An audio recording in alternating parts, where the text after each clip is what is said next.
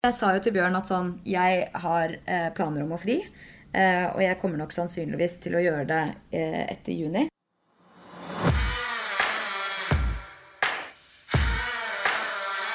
I dag har vi fått en skikkelig kul jente på besøk som jeg har kjent veldig lenge. Mest fra Silicon Valley og London uh, før, uh, men nå i Oslo. Hun har alltid imponert meg med sin rå energi og fandenivoldsk innstilling. Hun er teknologinerd, gründer. Den eneste som jeg kjenner som har operert inn en chip i kroppen når uh, teknologien tar oss igjen. Og ikke minst så står hun på barrikadene for å sørge for at vi jenter får en skikkelig sterk plass som vi fortjener i samfunnet. Og så er hun bare 30. Velkommen til oss, Isabel Ringnes. Tusen hjertelig takk, Jeanette. Det er fantastisk å sitte i dette podkastrommet med tidenes kuleste skilt. Smarte jenter-podkast. Det er så kult, for vi har akkurat fått opp det skiltet. Og jeg håpa at vi skulle få det på plass før du kom. Ja, men det er jeg veldig takknemlig for at dere gjorde, for det gjør, det gjør definitivt inntrykk. men nå får vi veldig sånn rødrosa glans. Ja. Det ser liksom ut som vi er med i en eller annen rar film. Futuristisk serie. Ja. Men det er jo halloween i dag, så det passer jo bra. Det passer jo kjempebra. Jeg møtte deg med noen djevelhorn. Jeg hadde egentlig med en sånn horngreie til deg òg. Vent, det skal jeg bare Et lite øyeblikk. Eh, du kan få velge. Da tar jeg øksen i hodet. Den er litt mer iøynefallende. I og med at da lytterne ikke ser hva som skjer akkurat nå, så er det én øks i hodet og en djevel som intervjuer. Men du kan gå inn på villaøy.no. Der ligger hele filmen under Smarte jenter. Så det var snikreklamen. Du, eh, Isabel, jeg må jo spørre deg, for da vet jo jeg at jeg får det svaret jeg vil ha. Hva syns du? Vi har akkurat lansert uh, Smartjenter-podkasten. Eh, og målet er å inspirere jenter til å tørre mer. Trenger vi en sånn podkast? Absolutt. Selvfølgelig gjør vi det. Det er, eh, det er, veldig gøy å se at de siste årene så har det jo vært mange som har på en måte ønsket å eh, inspirere flere kvinner og få opp flere kvinnelige rollemodeller. Ja, du er en av de. Ja, og du er en av de. Eh, på veldig mange forskjellige arenaer. Eh, så jeg syns det er helt fantastisk at det kommer eh, en ny podkast som eh, skal yes. trekke frem enda flere kvinner i rollen. Juhu! Det var det jeg håpet du skulle si, nemlig. Gratulerer, Jeanette. takk, takk. Men du, jeg sa jo Fanny og veldig uredd. Hva er det, tror du, som har gjort deg så uredd. Du tør jo alt. Nå er du, du gjør så mange ting som vi jo skal snakke litt om i denne podkasten. Bare alt fra det jeg nevnte. Eh, men nå kaster deg med på senkveld og er med på Lag Øst. Eller Lag Vest? Lag Øst. Lag Øst. Eh, og, og, er det noe som helst du er redd for her i verden? Ja, det er to spørsmål i ett. Eh, jeg er fra barndommen av så ble jeg alltid oppfordret til å gjøre ting som var skummelt for barn. Og det kan være alt fra å liksom rekke opp hånden, eller til å spille piano i en hotellresepsjon, eller til å finne ut av uh, veibeskrivelser, eller ta tak i en kelner. Altså gjøre alle de tingene som voksne gjør. Du ble pusha litt? Ble pusha og oppfordret til å gjøre ting som det på en måte voksne pleier å gjøre som barn. da. Av mamma eller pappa? Begge to. Ja. Eh, og eh, det var jo fryktelig ubehagelig på den tiden. Men jeg tror, selv om det var bitte små ting på det tidspunktet, så gjorde det noe med deg om at du kjenner at det går som regel bra, selv om du gjør noe som er litt skummelt, og så får du en liten mestringsfølelse senere. Og det er jo klart at den, den verdien har jeg på en måte hatt altså den der Å utfordre seg selv har jeg hatt med meg i oppvekst og karriere videre. Så når jeg da eh, Og så er det jo noe med at liksom, terskelen økes jo hele tiden da, på hva du syns er skummelt og ikke skummelt. Så det å f.eks. stå på en scene foran 2000 mennesker er jo dødsskummelt. Men så vet du også at sånn, det går sikkert bra på andre siden, og så gjør du det, og så holder du på å dø av redsel. Og så går det fint. For det har jeg lurt på. Ja. Akkurat det jeg lurt på. For jeg holder jo veldig få foredrag, men av og til.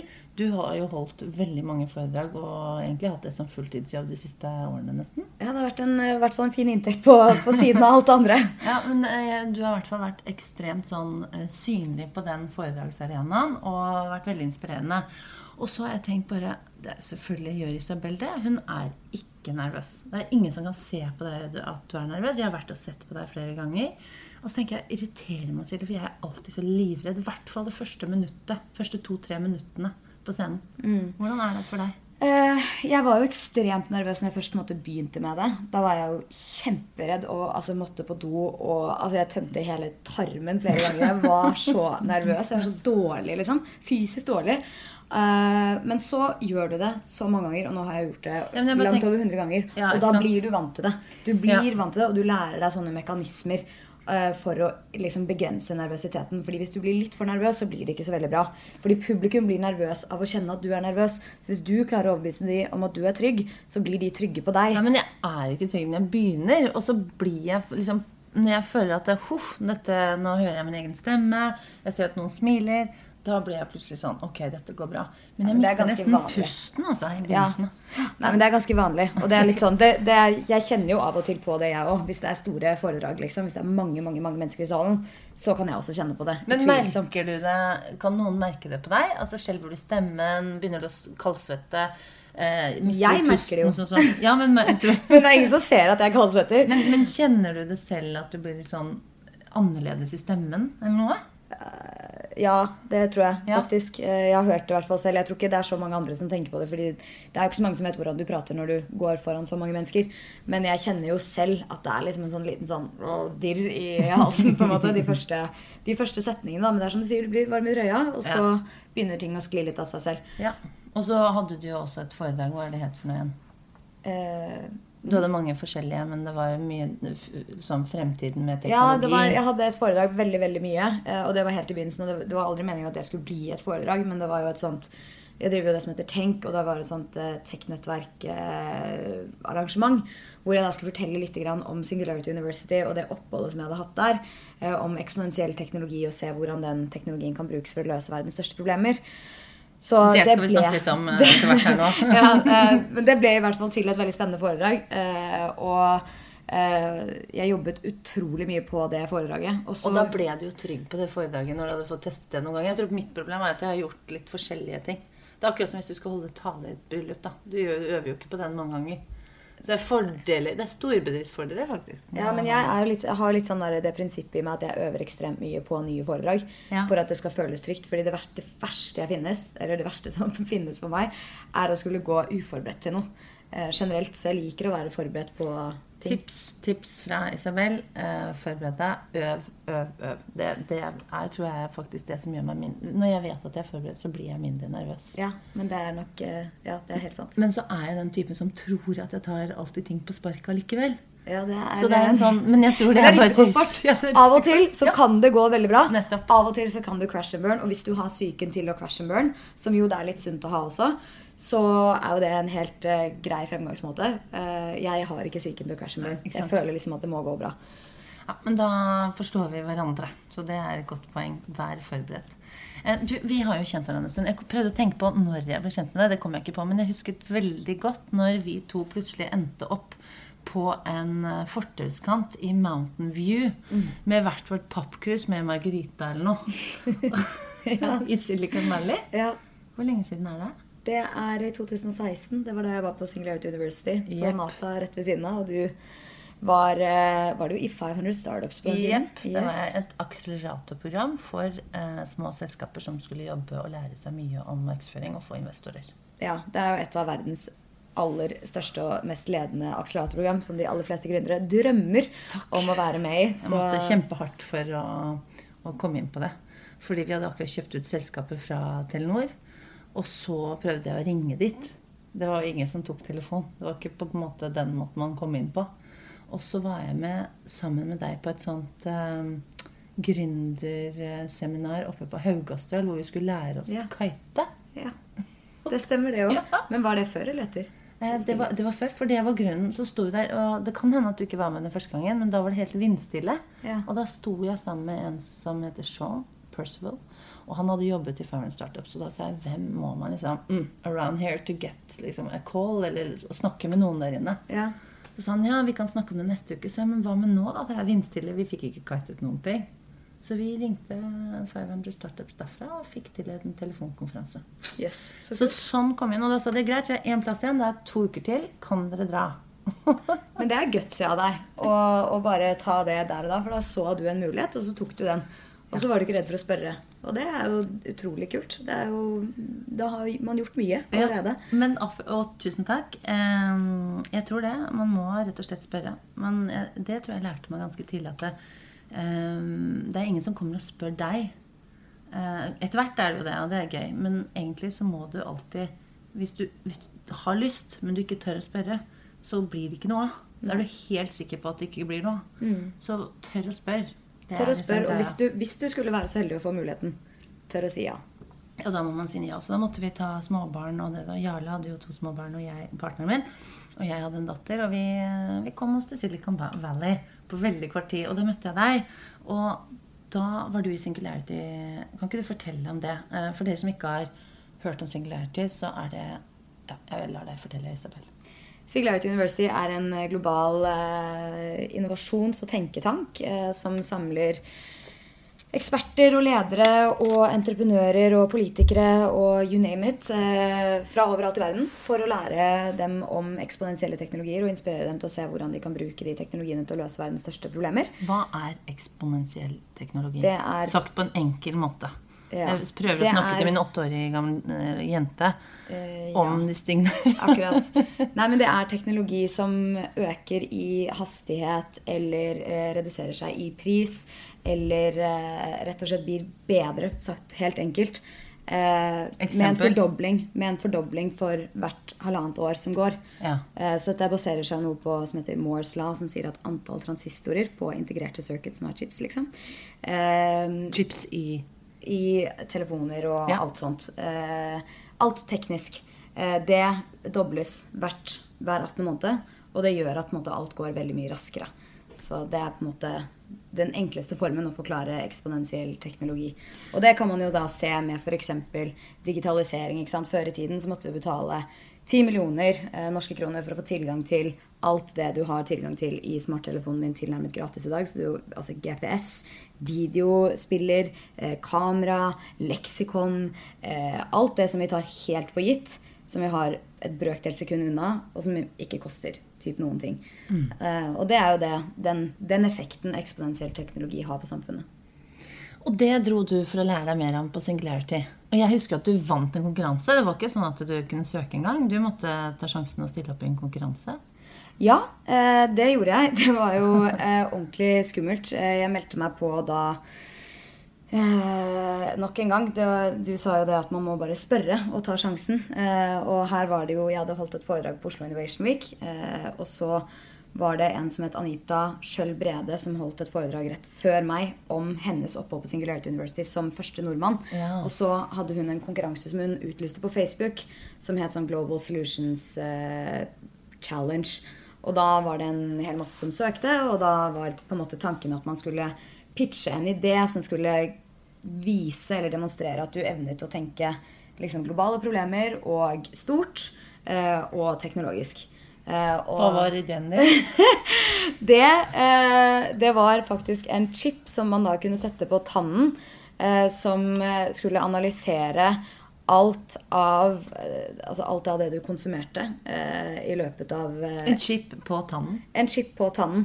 Eh, rett og slett. Og dette var jo ikke eh, kanskje ikke helt eh, det beste løsningen i verden, men det evnet til altså sånn, jeg- Det var mye eksponentielle teknologier kombinert. Ja. Eh, målet her var jo å få mye bedre oversikt over helsedata og hvordan vårt DNA på en måte eh, reagerer på forskjellige typer næringsinnhold eh, og stoffer. Eh, og så på en eller annen måte kunne kartlegge et eh, større måte, datagrunnlag for å finne ut av hvordan man kan Dø? forbedre Altså, helsen til folk Når skal jeg dø da. hvis jeg ikke skjerper meg? Aktig. Altså litt Ja, sånn ja. tabloid, dramatisk spissen, da. sagt, da. Uh, ja, satt litt på spissen. Så, Ja, men ikke sant, sånn at uh, hvis du nå forbedrer uh, kostholdet ditt så og så mye, hvis du drikker så og så mye mindre alkoholenheter, så kanskje du kan Altså du hadde nærmest et dashbord, så Ja. jeg for meg, i forlengelsen av det du sa nå. Ja, så litt sånn, på en måte. Eh, og det var jo på den tiden eh, Dette er jo 2016 jeg pitchet det. Det var sånn This is never gonna happen, but it's a great idea. So fun that you're thinking about that. Bla, bla, bla.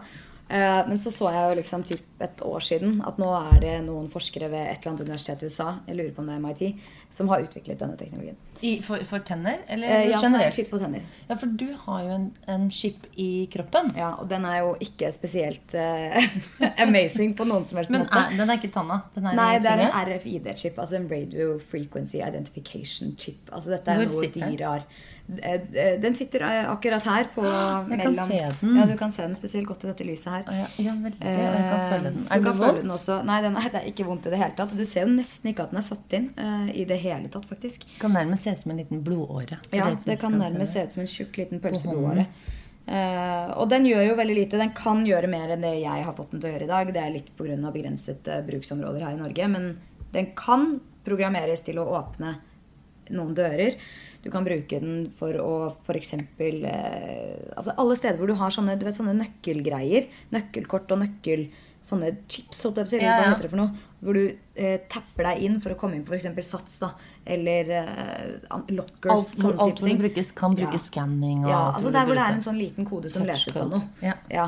Eh, så det kan brukes til. Også Så kan du egentlig er dette ringen er ikke helt sluttet, men ideen du, som fikk deg inn på Singularity University, den har på en måte blitt utviklet av MIT, men samtidig så har du gått for en annen teknologi som var tilgjengelig, og skippet den rett og slett inn i hånda. Ja, men det, det, og de to vil jeg si at hadde lite med hverandre å gjøre, egentlig. Men det var Altså, jeg er jo opptatt av å prøve nye ting.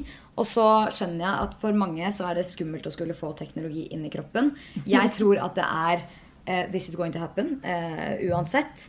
Uh, og så er jeg mer opptatt av at mennesker skal involvere seg, forstå det eh, og være med å forme det, versus at det skal være noe man tar helt avstand fra fordi man syns det er skummelt og tenker at dette vil man ikke ha, når det egentlig sikkert har, og det vet vi jo på en måte fra alle bruksområdene de tester på i dag, det kan ha en veldig positiv effekt på helse, eh, identifikasjon for alle de menneskene som ikke er identifisert i dag, osv. Eh, så jeg er litt sånn La oss heller lære om det, teste det, være med å forme det, istedenfor å ta avstand og heller på en måte la the bad guys utforme det. For det er jo Men, og det er jo ikke eh, bra. Men jeg bare tenker på i, i den sammenhengen rundt um, Hva tenker du er den viktigste teknologien vi ser for oss nå framover? Hva er de viktigste tingene vi kan Du fortalte om sant, at vi har den smartphonen vår. Jeg bodde jo i New York i 2007 når Steve Jobs presenterte den i, i San Francisco. Men da var jeg sånn Det tror jeg ikke på. liksom. Jeg min Du trodde ikke på Nei, men jeg hadde jo Blackberry og var Ja. kjempefornøyd. Jeg hadde akkurat forstått den.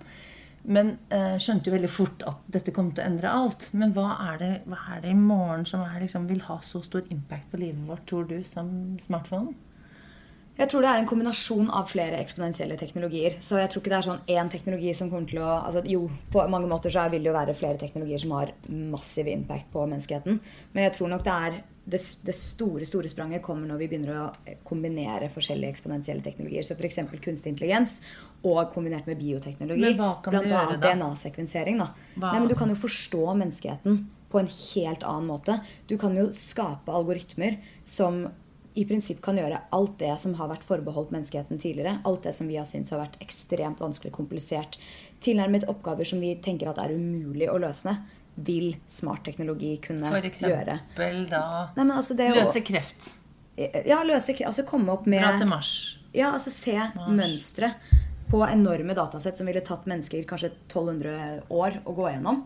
Eh, dette kan potensielt veldig sterke eh, datamaskiner gjøre ved hjelp av kunstig intelligens og pattern recognition. Eh, forstå på brøkdeler av sekunder. Eh, og skal kunne, kunne se, se for seg at eh, de kan finne eh, La oss si de ser da, et mønster som vi har ikke hatt evne til å se over veldig mange år. Men som da kan gi oss en indikasjon på hvordan man kan da komme opp med en kur for kreft eller aids eller hva det nå er. Eh, og nå har jeg ikke sagt at dette kommer til å skje i morgen. Det kommer nok til å ta lang tid.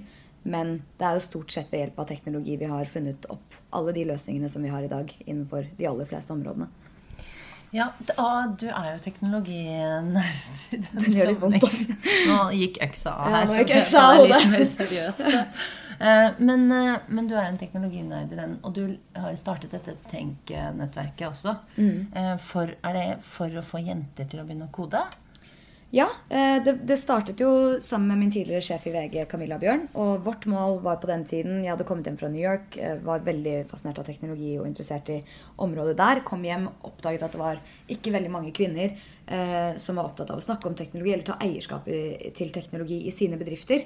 Eh, og det var på en måte rundt den tiden hvor teknologi begynte å bli en ting som man vurderte som en viktig del av bedriftsstrategier, uansett hvilken bransje du var i. Og dette var sånn 2012? 15. 15, ok. Eh, Ja. Altså sånn, Så fort har det gått, og det glemmer man veldig ofte. Eh, jeg sier ikke at ikke man snakket om det, men digitalisering var ikke hver eneste konferanse på den tiden der, som det Nei. er i dag. Eh, Og så virkelig ikke, fordi jeg, når jeg eh, hoppet av liksom, det trygge konsulentlivet og ble gründer i 2008, eh, så var det å være gründer det var ikke noe sånn Å, så kult at du skal bli gründer. Det var, og, og så kult at du er kvinnelig gründer. Det var ikke, det var ikke tema engang. Det var sånn Er du gal? var det nummer én. Eh, så, så verden har endret seg sånn helt voldsomt. Nå kan vi jo til og med snakke eh, Ha foredrag om det å være kvinnelig gründer, liksom. ja. Eh, og det er bra. Mm. Det tenker jeg er veldig bra. Men det har, da trenger man sånne som deg, da, som kommer hjem med eh, en eller annen inspirasjon til å få jenter til å bli med. Ja, og så vi, Først så ville vi jo invitere kvinner med på en læringsreise. eh, for å få liksom flere kvinner til å lene seg inn og lære mer om teknologi. Bli med oss forstå at sånn, dette her må vi sette oss inn i nå, fordi det er det som kommer til å avgjøre veldig mye av hvordan fremtidens løsninger ser ut. Eh, etter hvert så eh, Det er jo veldig mange andre også gode nettverk innenfor teknologi. Jeg vil spesielt trekke frem Oda, som er veldig flinke til å samle kvinner i bransjen eh, og, og på en måte inspirere læring på tvers av forskjellige selskaper i bransjen. Så tenk rettet seg etter hvert mer mot unge jenter. da, Og få jenter til å lære seg å kode og bli eksponert for teknologi Og tidligere. velge kanskje mer teknologiske studier, da, sånn som NTH. Ja, Eh, og det, det merker jo jeg også. Jeg har jo tatt med meg en i, ingeniør i hvert selskap jeg har startet. Fordi det er de som forstår hvordan ideene skal bli virkelighet. Og du er jo heller ikke en teknolog. Og det, man trenger ikke å være teknolog, teknolog for å starte et tekstselskap, men man trenger å ha teknologer med seg. Og, og få de til å jobbe sammen. Ja, og så bør man være nysgjerrig på det og i hvert fall være villig til å lære. Altså, jeg angrer stort på at ikke jeg tok eh, ingeniør istedenfor økonom. Eh, og hadde nok eh, Det er ikke veldig, for sent, da. veldig glad Nei, men altså, skal jeg, skal jeg bare gi opp selskapet og bli ingeniør på tre år? Jeg tror jo jeg tror at man kan lære veldig, veldig veldig mye av å bare være nysgjerrig og være på en kontinuerlig læringsreise.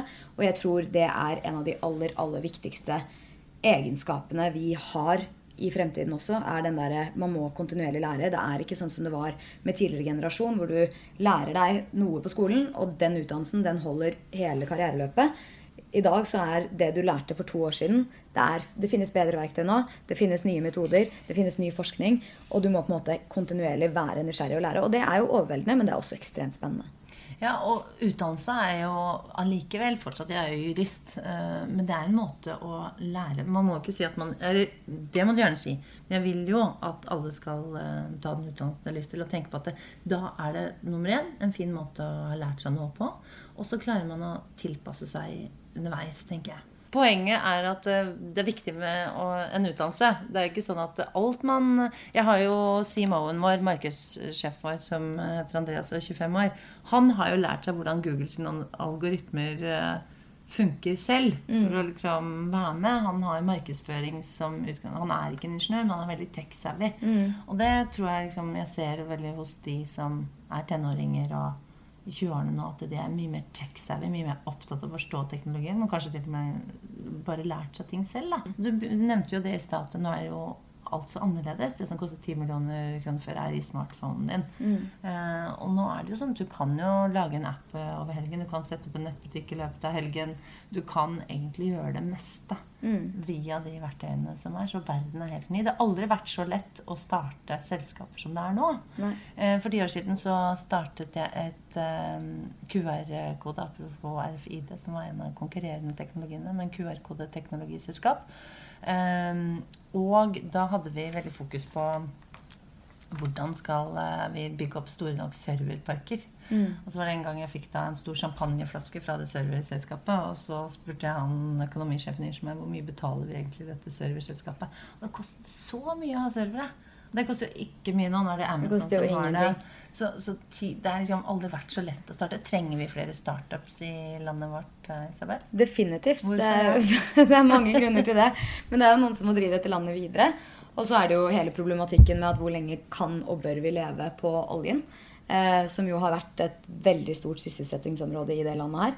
Eh, og vi trenger å skape nye verdier. Vi trenger å finne det nye, unike Norge kan by på ute i verden. Og vi har masse av det. Eh, og det er utrolig mye smarte hoder. Så vi må bare inspirere flere til å ville starte. Eh, alle må jo ikke starte. Definitivt ikke. For vi må jo ha noen ikke. som skal jobbe i disse bedriftene også. Ja. Eh, og ikke minst videreføre de gode bedriftene som er. Men, eh, men det er ingen tvil om at vi må ha flere gründere. eh, og spesielt kvinnelige gründere, fordi de er det færre av. Og vi må ha flere kvinnelige gründere innenfor de store bedriftene som har potensial til å skalere ut i verden. Hvorfor er det viktig? Jeg er jo for likestilling, eh, hvis du har plukket opp det. Ja. Eh, og jeg tror jo at vi får ikke til eh, reell likestilling i verden med mindre kvinner har mer maktposisjoner i verden og er mer inne på eiersiden eh, og mer inne i styringssiden på hvordan verden vår skal se ut og hvordan løsningene våre skal være. Hvilke problemer vi velger å prioritere å svare på. Eh, hvilke behov vi adresserer, hvilke behov vi i det hele tatt ser og oppdager. Eh, I dag er det en mannsdrevet verden. altså Både politisk, eh, økonomisk, nesten på alle områder. eh, utenom i hjemmet. Uh, og jeg mener jo at vi bør få flere menn uh, inn på eiersiden i hjemmet. si. Uh, og flere, Ta eierskap de er, til- De er på eiersiden, men De med, styrerolle Ja. i, i hjemmet. Og, ikke minst eh, få flere kvinner inn på eiersiden og på maktsiden i, i verden. Da. Ja, og jeg spør liksom hvorfor. Jeg vet jo selvfølgelig Du er jo en veldig stolt feminist. Og um, du har jo sagt noen ganger at ja, men alle, det må jo være i 2019 så må alle være feminister. Eh, hva mener du med det å være feminist? Eh, feminist by, betyr jo per definisjon at man tror på like muligheter. Eh, både juridisk muligheter og rettigheter. Eh, juridisk, politisk, eh, sosialt. For alle, uavhengig av hvilket kjønn de er. Om du er kvinne, mann eller hva føler, du det er er. der jeg føler at liksom den misoppfatningen rundt hva feminist er, det har vært et slags skjellsord. Eh, feminist er jo et ord som egentlig har vært litt sånn negativt. Jeg, jeg, jeg kan huske at jeg liksom for ti år, kanskje fem år siden, var sånn Nei, nei, jeg er ikke feminist, men jeg mener at Altså jeg måtte nærmest forsvare at jeg ikke var feminist for å kunne liksom være en, en stemme, da. Og det tror jeg har endret seg totalt nå. Kan jeg si sånn Jeg er feminist. Fordi det handler jo om at man skal få like rettigheter, og det er egentlig ingen som er uenig i. Bortsett fra at er, jeg opplever at det er stor forskjell mellom yngre generasjoner og eldre generasjoner. Hva tenker du? Eh, hvis du ser på altså det, jeg, husker, jeg tror det er TNS som har gjort en undersøkelse på det her. Eh, og det er, det er store sprik fra generasjon til generasjon på hvor sannsynlig det er at man identifiserer seg som feminist. Altså, Sluttkonklusjonen er at altfor få fremdeles gjør det. Eh, og så er jo feminist ikke sant? Det er et ord. Det er en merkelapp for mange. Eh, mange kvier seg for merkelapper. Eh, og så liksom selve ordet feminist om altså hvor mye tid man skal legge på at folk Man skal ikke bruke så mye tid på det. Nei, men jeg, jeg syns det er allikevel interessant at man kvier seg for å kalle seg feminist i 2019, når man vet veldig klart og tydelig hva det står for. Og ikke minst så er det veldig mange rollemodeller der ute nå som viser mangfoldet av av feminister. Ja, men jeg tror en ikke ting er jo at en historie har stått veldig lenge hvor, det, hvor man kanskje har tenkt på feminist med en sånn stereotypisk rolle hvor det er liksom eh, å brenne bh-er og ikke sant eh, Hår under armene og alle disse Ja. stereotypiske liksom, historiene som, som går igjen. Det er jo ikke det det er, men det er jo risikoen når det er et lite mangfold i rollemodeller av noen som identifiserer seg som noe. Så de aller fleste i dag eh, sier jo at man er for like rettigheter for homofile og heterofile, f.eks. Og som står veldig sterkt i pride. Men det er jo fordi at det, det, liksom, det, det har jo gått så mye raskere enn f.eks. feminisme. Fordi det er så utrolig mange som har identifisert seg med det. Så man ser på en måte så mange historier. Og det er så utrolig altså Alle er blitt så glade i, og alle kjenner på en måte mennesker som er akkurat som seg selv, som er homofil. Og da har på en måte hele den derre av en eller annen grunn så har den bevegelsen der gått så utrolig mye raskere Ja. enn feminisme eh, har gjort. Eh, og det er jeg Det er veldig rart. på mange måter, på- på mange måter for veldig, veldig glad for. ja. Ja. Nei, men ikke sant, det ikke sant, Vi er jo bare mennesker, og alt handler om at alle skal ha like muligheter. Om det så er til å elske hvem man vil, eh, eller til å Jobbe med hva man vil og få like exakt. muligheter. Exakt. Og da går jeg inn på den Hun spanderer Jeg husker at når den kampanjen ble lansert, så digget jeg budskapet, men jeg, det, det var også litt vanskelig for meg å ha den der Hun spanderer, fordi jeg føler at det, vi må jo kunne være, få lov til å bli kurtisert og være jenter likevel. Og så husker jeg vi snakket om det, og så sa de men nei, det er jo ikke det det handler om.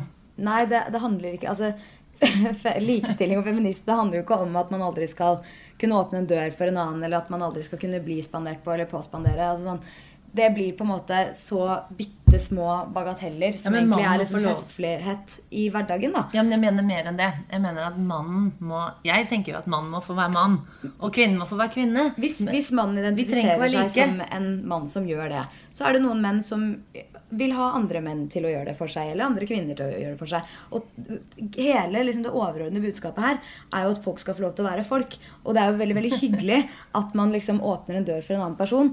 Eh, men da er det jo slik at i en ideell verden så er det greit at kvinnen kvi- at kvinner åpner en dør, og det er ingen som stusser over det at hun åpner en dør for en annen mann, og at en mann åpner en dør for en annen mann, og at en, kvinne, eller at en mann åpner en dør for en kvinne. At det er liksom Det er på en måte høflighet. Det er å være hyggelig.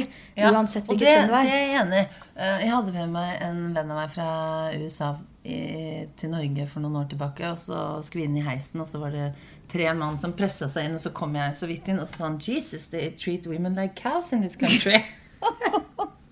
det tror jeg.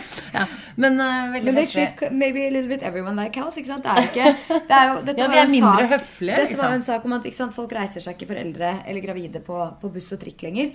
Uh, og det kunne man jo også sagt at det er jo, ikke, det er jo rett og ikke slett bare ikke høflig. Nei. Men det handler jo ikke om likestilling. Det handler jo bare om å være høflig og medmenneskelig mot hverandre. Men det du var inne på på likestillingen, var at det var ubevisst. Og det er den jeg syns har vært så fascinerende når jeg har hørt på det dere har sagt. Og eh, også selskap som du har startet som heter Equality Check, som eh, din partner Marie har, eh, eh, kommer hit og skal snakke mye om. Eh, og det har jo vært liksom Hvordan er det hvordan, hvordan tar man avgjørelser, og så vet man ikke at man diskriminerer? Det syns jeg har vært interessant. Ja, eh, og, dette var jo det vi Kan hadde du lyst forklare det? Forklare hva Nei. ubevisst diskriminering Ja.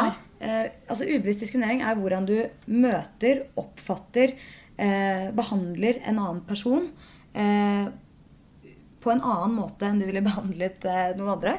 Eh, basert på hvilket kjønn de har, eller hvilken etnisitet de har, eller hvilken legning de har. Gi et eksempel, for jeg vet at vi har diskutert noen eksempler på Du har jo nå vært i en pitchrunde, tror jeg, for å prøve å få investormidler. Ja. Og du vet jo ikke hvordan investorene dine oppfatter deg som kvinne. Nei. Eh. Og det er veldig vanskelig å sette en finger på. ikke sant? Så vi kan jo få nei, eller vi kan få mindre midler av en mannlig investor, eller en kvinnelig investor for den saks skyld, fordi ubevisst diskriminering rammer begge kjønn. Um, men altså, det rammer absolutt alle. Uh, så det er, veld, så det, er, det er det som er hele problemet, at det er veldig vanskelig å sette fingeren på at dette her var ubevisst diskriminering. Og det er nettopp derfor det på en måte er så Uh, utbredt da, i samfunnet. Og det akkumulerte bildet av det har veldig stor betydning. Og det finnes veldig mye forskning. Eh, nå kommer sikkert Marie også til å gå igjennom en del av de forskningsstudiene som, som, eh, som finnes på hvordan vi Ja, oppfatter men menn og fint. kvinner. Bare fortell. ja. Hvis ja. du har ett sånn Ja, altså godt det, eksempel. det mest klassiske er Hans og Hanna-studiet. Ja. Eh, og det ble jo gjort eh, på Markedshøgskolen Nei, det ble Det gjør gjort ikke av noe med Maria også, Maria også sier, forteller om det, for jeg tenker at det er så bra. Ja. Ja. Eh, og, og jeg liker å ta det opp fordi at det er eh, veldig eh, norskt. Det er et norsk studie. For veldig ofte så hører man jo studier, og så er det gjort i USA, og så tenker man at det gjelder ikke her i Norge. Men dette her var et studie som opprinnelig ble gjort på Harvard på 2000-tallet. Eh, og ble da gjennomført i Norge igjen eh, av Markedshøgskolen og eh, Tankesmien Agenda i 2015 blant master- og bachelorstudenter. Og da var det 102 studenter eh, som fikk tildelt et case om en veldig suksessfull leder.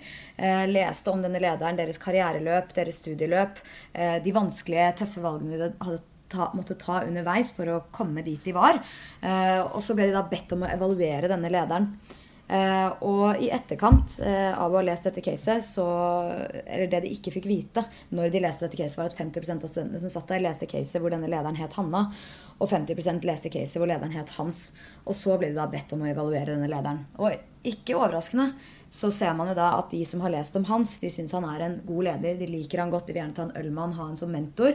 Han er en god far. En Mens de som har lest om ja, mens de som har lest om eh, Hanna, hun er en, en de liker mindre. Hun er ikke en like god sjef. eh, hun er ikke en like god mor, og hun er sjefete. Eh, og dette er jo identisk case. Eh, utdannede studenter i verdens nest mest likestilte land i 2015. Eh, og de resultatene som kommer derfra, er ikke veldig forskjellige fra de som kom ut fra Harvard-studiet på 2000-tallet, som er liksom 20 år siden. Så, eller 15 år siden. Så, så, og, og det på en måte er en veldig sånn, eh, et veldig relevant studie som viser hvordan vi oppfatter menn og kvinner helt forskjellig, selv om alt annet er identisk. Og og dømmer oss endelig- forskjellig. Ja. Og oppfatter oss forskjellig, som du sier, da, sjefete eller bitchy, eller hva man kan si. Ja. Eh, hva kan vi gjøre med det? Isabel, kan du løse det?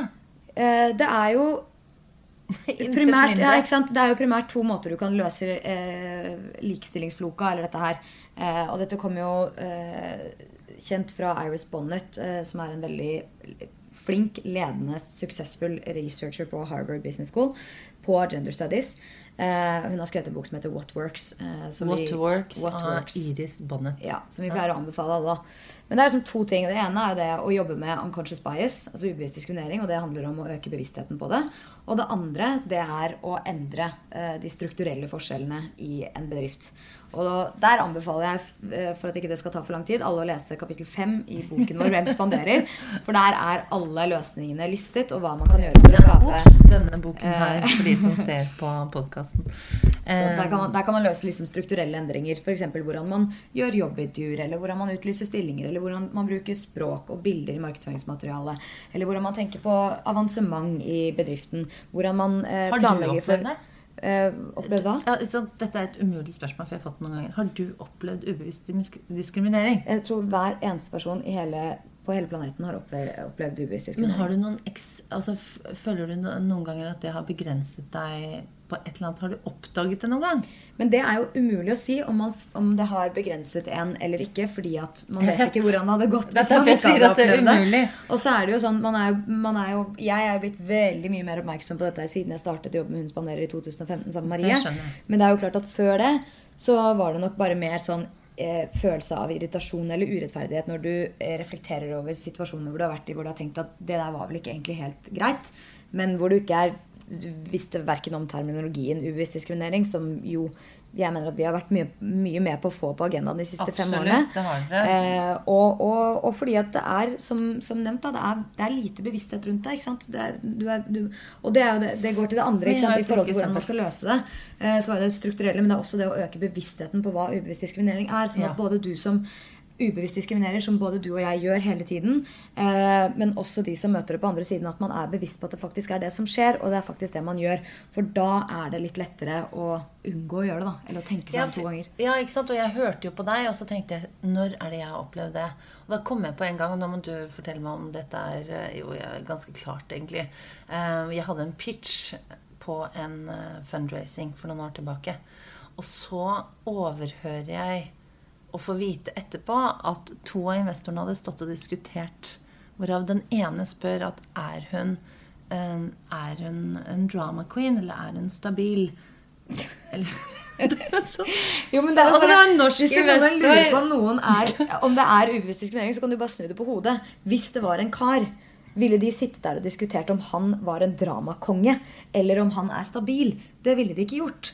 Så det er på en måte Jeg kjente jeg var beste, så, liksom, ble så diskriminert. Nei, jeg kjente at jeg ble provosert, og så hadde jeg lyst til å gå opp og si nettopp det. Altså, Hvorfor er det interessant? Skal vi lage et suksessrikt selskap og tjene også penger se på hvis de, hvis de, La oss si de hadde noen indikasjoner på at det var eh, mye temperament hos deg, eller at du er et følelsesmessig menneske. Sånt Men de kjente meg jo ikke. Nei, ikke sant? De hadde sett en tominutters pitch. Jeg hadde aldri sett disse menneskene før. Nei, ikke sant. Og da kan det hende at de syns at du var veldig passionate about det du pitchet. Og så tenker de hvor er det jeg har sett det før? Jo, jeg har kanskje sett passion hos en eller annen dame. Og så bare legger de det på at sånn, ja, hun er en drama queen. Skjønner du? ikke Ja, sant? Så det er, liksom, det er disse skjønner. Bitte små liksom, ubevisste koblingene som hjernen vår gjør eh, for å gjøre det enklere å på en måte leve i verden og navigere i verden basert på alt det vi har opplevd tidligere. Men det gjør det jo ekstremt urettferdig, fordi vi møter ikke individer for det de er. Nettopp individer. Nei, Og så sier jo folk ja, men du har jo hentet kapital. Jeg har jo hentet kapital i ti år til ulike prosjekter og, og businesses. Så dette har jo ikke du opp, det har jo ikke du opplevd. Men det er jo klart at man vet jo aldri Som du sa i stad, fikk man ikke med seg den investoren man virkelig ville ha med, fordi at de tok et valg som baserte seg på noe som ikke var riktig eller ø, ubevisst. Jeg er helt sikker på at eh, det har skjedd. Ja. Jeg er bare lykkelig for de investorene jeg har fått med meg. Jeg skal ikke tenke på det jeg ikke har fått med meg. Vi har med eh, Men det er, det er et studie fra Sverige som har sett på dette hvor det var statlig, statlig venturekapital. Og skulle man se hvor det ble fordelt eh, blant eh, kvinnelige og mannlige eh, gründere. Og da så man jo også at måten de diskuterte de kvinnelige gründerne på versus de mannlige gründerne på, varierte veldig. Så du var jo inne på dette med drama queen. Der var det jo også sånn at de typ samme egenskaper ble beskrevet på to helt forskjellige måter. Så kvinnene som kanskje var eh, Hun var, eh, liksom, hadde lite erfaring og var for sjenert. Mens han var, eh, hadde masse potensial, aka lite erfaring. Eh, og han var ydmyk, aka sjenert. Eh, og de fikk liksom, kvinnene fikk liksom halvparten av kapitalen tildelt, og de fikk halvparten av eh, tilslagene som det mennene gjorde på å få kapital. Og så er det jo De fikk halvparten. Det er jo bra. halvparten. Nei, altså de fikk 50% av det mennene Nettopp, fikk. på en måte. Eh, så eh, så når, hvis menn fikk 100% av det de ba om, så fikk kvinner 50% Og det kan godt hende at disse tallene varierer litt. Grann. Jeg har ikke studiet foran meg her nå, men det står jo også om i boken, så ikke arrester meg på tall. Men eh, det overordnede budskapet er det samme, og det er at eh, det finnes eh, veldig mye eh, ubevisste fordommer som hele tiden påvirker de valgene og de beslutningene som vi tar. Og nå har du startet ditt eget selskap. Du skal hente inn penger, du skal ansette. Hvordan går det? Det går eh, veldig bra, faktisk. Eh, det er jo eh, kaotisk, og det er gøy, og det skjer masse. Eh, men vi liksom er i ferd med å stenge runden nå. Eh, vi har fått med masse kule investorer. Eh, vi har ansatt tre herlige mennesker som jeg gleder oss veldig mye til og at de begynner fulltid i desember. Eh, vi har jo allerede en eh, tech lead som vi er veldig fornøyd med, som heter Iver. Ja, så ting går liksom på skinner. Og Marie digger jo Marie, eh, så det er eh, Jeg føler meg veldig blest her og nå Ja. for at det går som det går. Fordi vi vet jo at det kommer til å bli mye vanskeligere før det blir enklere igjen. Men man må jo glede seg over de gangene hvor det går bra. Selvfølgelig. Man må ta med seg alle mulige små victories på veien. Vi gjorde en equality check, vi, her i, i Willoyd. Eh, selvfølgelig gjorde vi det. Bra. Ikke du skulle komme, Maria kommer. Eh, og det er en veldig bra måte å kunne ha en litt sånn transparent eh, syn på at i selskapet så har man fokus på de verdiene som kanskje er mer og mer viktig for eh, de som skal velge arbeidsplass. Og det, er, og det er målsetningen. Ja. Egentlig målsetningen å lufte ut at uh, hvis veldig mange selskaper bruker det, så er det litt vanskeligere å, å ha en veldig macho-dominert eh, kultur.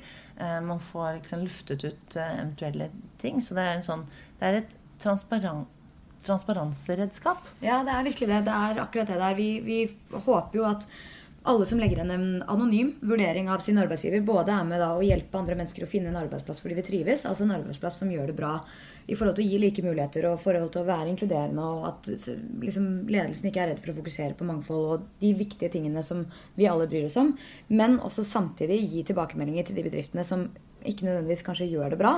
Og gi dem et ekstra insentiv for å heve problemstillingen internt i, og eksternt for øvrig eh, i sine bedrifter for å forsøke å skape de kulturene som gjør at folk kan utnytte hele sitt potensial. Altså det er vinn-vinn for alle. Det er vinn-vinn for deg som legger en vurdering, det er vinn-vinn for deg som leser vurdering, og det er vinn-vinn kanskje aller viktigst for selskapene som får denne dataen, som forhåpentligvis driver deres selskap videre i riktig retning. Så Så alle dere som hører på, equalitycheck.no. det er IT.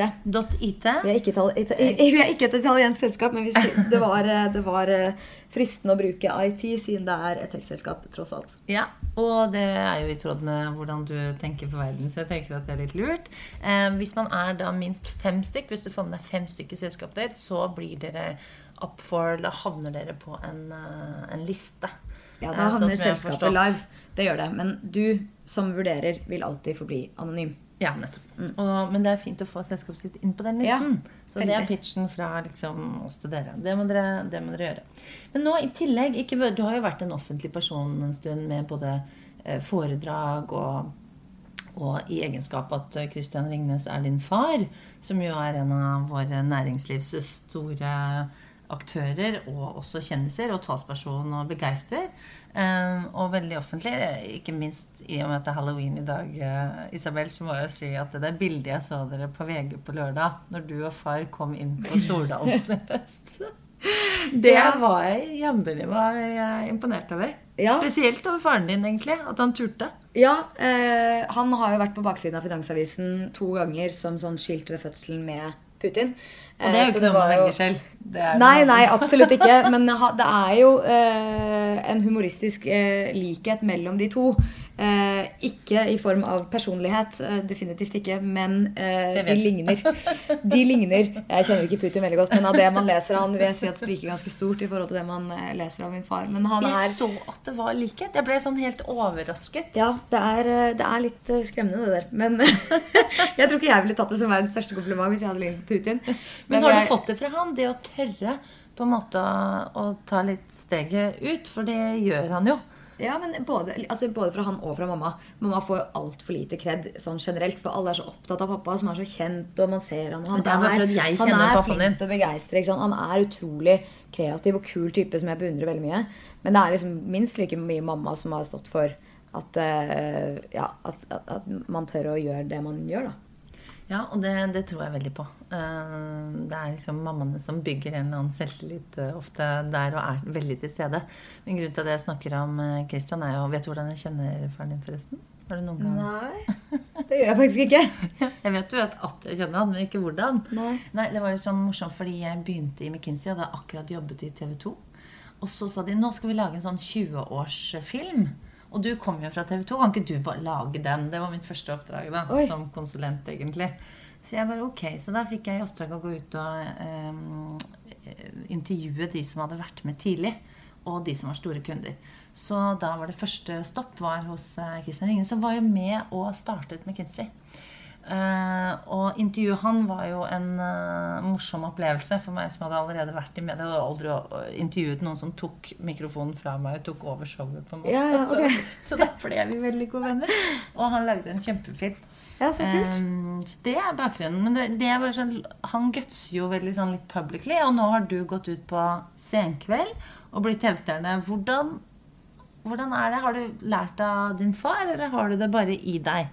Jeg tror, eh, Uten at han har lært meg så mye, så har han jo vært veldig sånn leading by example i det å tørre å være seg selv. Og det å være genuin og ikke være redd for å være Altså ikke være redd for å by på hvem man er og den personligheten man har. Og liksom være litt annerledes, da. Eh, og ikke på en måte forsøke å passe inn noe sted, men heller liksom bare skape sin egen rolle.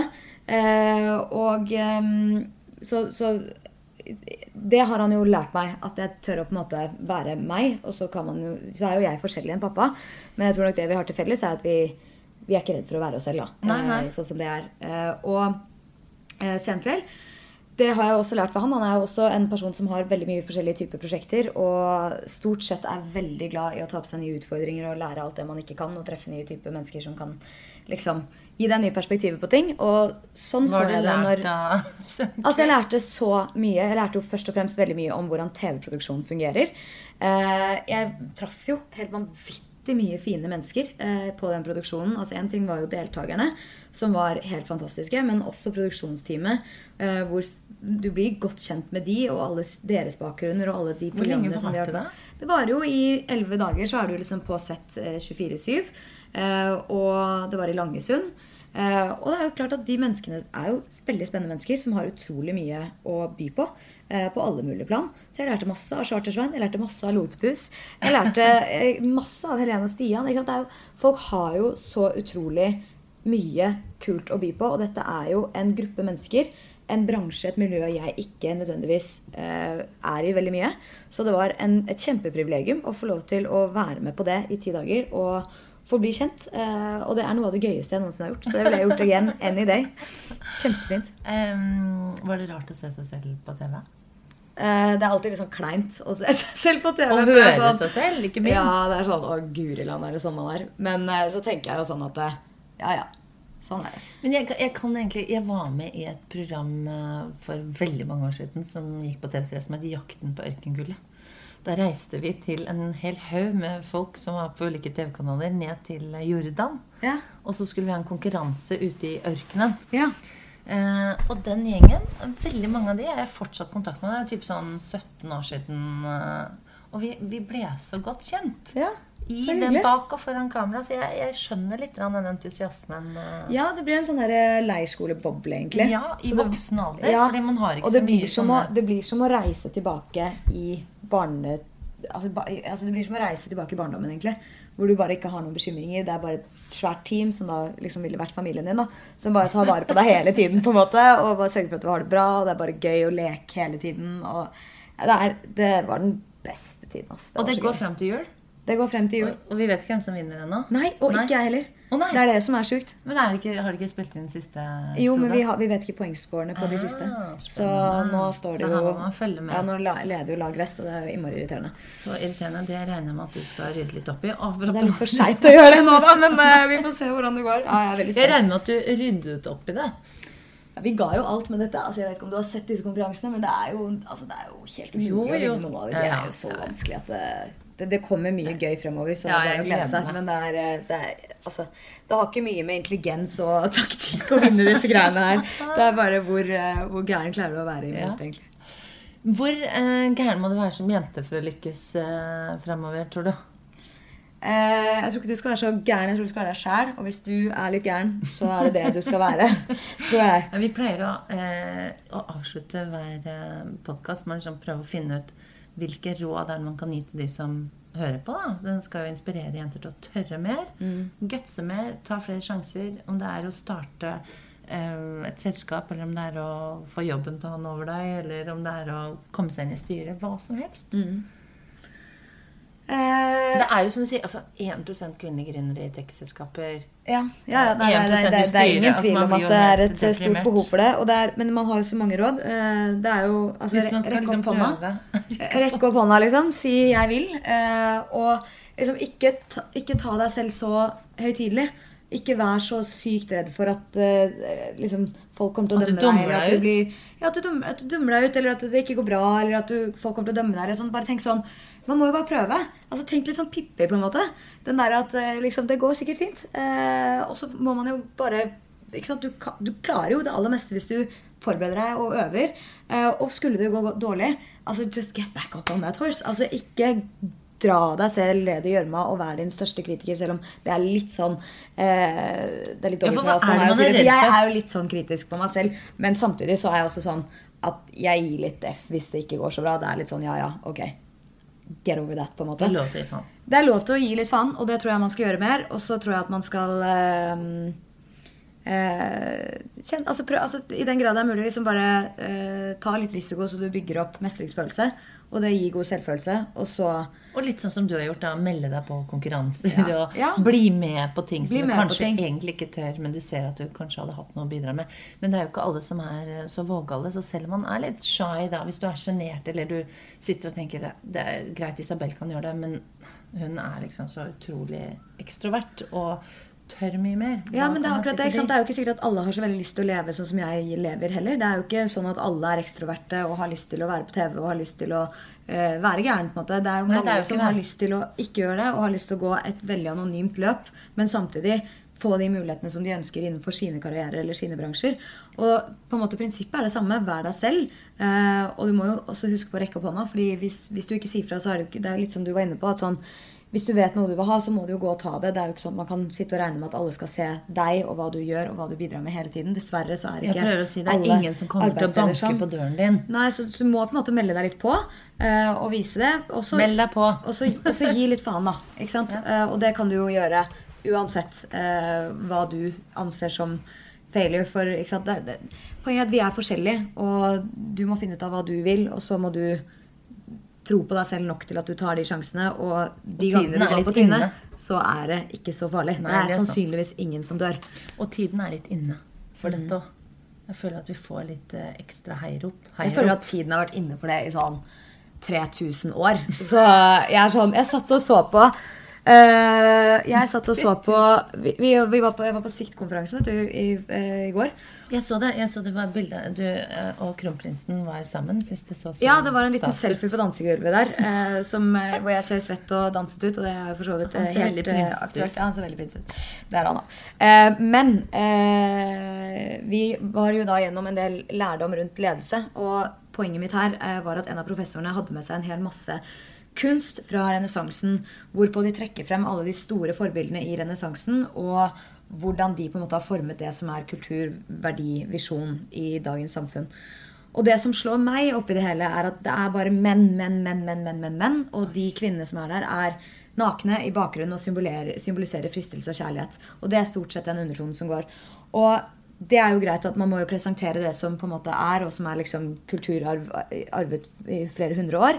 Men samtidig å påpeke at sånn, det er ikke nødvendigvis slik det var. Helt garantert så var det mange kvinner på den tiden på samme måte som det er i dag, som ikke ble sett, som ikke ble trukket videre, som ikke ble skrevet om i bøkene. Dette er jo blitt nøye selektert og kur- kuratert over mange mange, mange hundre år. Og det er ingen kvinner igjen som blir representert, men å hvert fall liksom streke under det at det er ikke sånn at plutselig nå så er det en tid hvor kvinner tar plass. Kvinner har alltid tatt plass, men av en eller annen utrolig trist grunn så er de blitt overdøvet og blitt ignorert Kanskje ikke fått da. Jeg tenker på Sokrates, Platon, Aristoteles. Ja, men de hadde jo kvinnelige uh, lærere, de hadde kvinnelige lærlinger som De bidro masse ikke til frem. Nei, det er akkurat det. Men de historiene hører man aldri.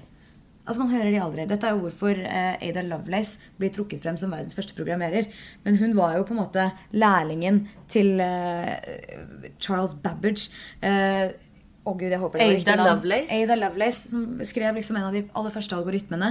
Eh, men det var jo liksom han som fikk veldig mye av kreden før det var noen som oppdaget. Og dette var jo hvorfor den der Hidden Figures-filmen var så fantastisk. For den trakk frem alle de fantastiske kvinnene. Den må som dere se. Den, kan man se Hidden Figures? Den kan du sikkert se på Netflix eller på Google it. I don't know. Hidden Figures. Hidden Figures. Ja. Den må alle se. Ja. Alle de fargede kvinnene som aldri ble sett for alt det banebrytende arbeidet de gjorde for å få oss til månen. Så vi har alltid vært der, men aldri bare tatt credit for det. Vet du hva jeg Det er ikke det, Vi i ikke har tatt credit for det. Vi har ikke fått credit for det. Og det er en så viktig distinksjon. Vi har ikke fått credit for Ja, Jo, men hør nå. Jeg, la oss bare, fordi når jeg jobbet i New York i 2007, så jobbet jeg i Børsen Marsteller. Mm. Og han som het Harold Børsen, han hadde til og med holdt, eh, liksom, vært journalist under rettssaken under Nürnberg. Han var så gammel. Nå er han eh, 100. Eh, og da sa han bare 'There's one thing you have to learn'. En sånn gammel republikansk mann. veldig veldig liten og morsom. Hadde masse, stort hjørnekontor og masse bilder av republikanske presidenter på kontoret sitt. Så han You have to do the right thing, and then you have to take credit for it. Så jeg mener, det var det hans, liksom hele læresetningen hans, var at ja, du må gjøre noe bra, men du må også ta kred for det. For ellers så blir det ikke kjent. Og derfor så mener jeg, selv om, og selv om vi kanskje snakker om litt forskjellige ting, da, så mener jeg at når man gjør noe, da, så må man også steppe opp og tørre å ta cred for det man gjør. Og der tror jeg jenter bare generelt sett lar tar et steg tilbake. Nei, altså jeg, jeg er helt uenig. For jeg, oppdager, jeg opplever det sånn at det er et stort rom. Det sitter som regel flere menn enn kvinner i det rommet. En kvinne sier noe, det blir overdøvet. Typ ti minutter senere sier en kar akkurat det samme.